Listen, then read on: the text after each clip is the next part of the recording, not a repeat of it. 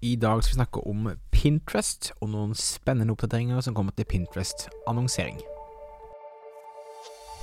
Stadig flere små bedrifter i Norge oppdager at med riktig markedsføring kan man utfordre de store, tradisjonelle bedriftene. At ved å ha fokus på å bygge gode relasjoner og opparbeide seg tillit, kan små bedrifter oppnå store ting. Velkommen til podkasten 'Suksess med Facebook-annonsering'. Mitt navn er Thomas Moen fra Moen Co. Vi er et mediebyrå som hjelper små nettbutikker å vokse. I denne podkasten kommer vi med ukentlige råd, tips og strategier som du kan implementere i din bedrift. Om du er helt ny på annonsering, kan du komme i gang ved å gå til moenco.no start for vårt gratis introduksjonskurs. Hei, mine venner. Håper du har hatt en strålende uke så langt. I dag kommer en liten oppdatering rundt Pinterest. Pinterest er en spennende annonseplattform som i hvert fall vi i Monaco eh, stadig forstår mer av, og klarer å skape mer og mer forutsigbare, gode resultater, både i forhold til lønnsomhet og i forhold til omsetning.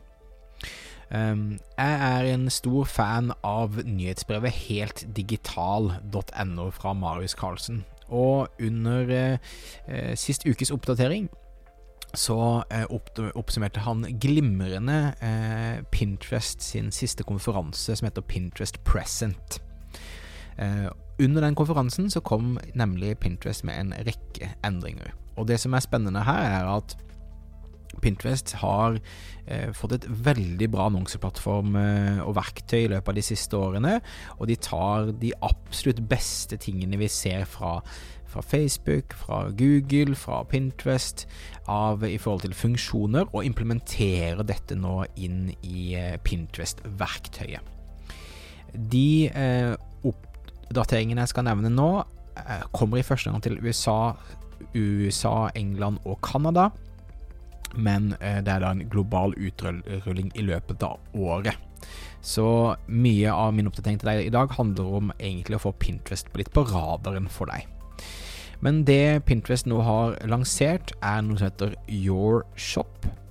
Som er da en personalisert shoppingseksjon i appen, så ikke veldig ulikt Instagram Shop eller Facebook Shoppen sånn at Pinterest ønsker å ta eierskap til at du kan faktisk handle direkte fra Pinterest også inn i nettbutikken din. De kommer også med Shopify-støtte. Så det betyr nettbutikker som bruker Shopify, kan nå selge varer direkte gjennom Pinterest-appen. Sånn at du rett og slett bare kobler eh, telefonen din, nei, Shopify-en din direkte inn i Pinterest. De har også kommet med et API. Um, og det betyr at det gjør det lettere å kommunisere med vanlige produktkataloger. Noen feeds som vi ser fungerer veldig bra på Snapchat og på Facebook, Instagram for tiden. Så at de får bedre API er veldig, veldig positivt. De jobber også da med å oppdatere det som kalles Pinterest Trends, som handler om å vise deg innsikt og hva slags innhold som fungerer på plattformen.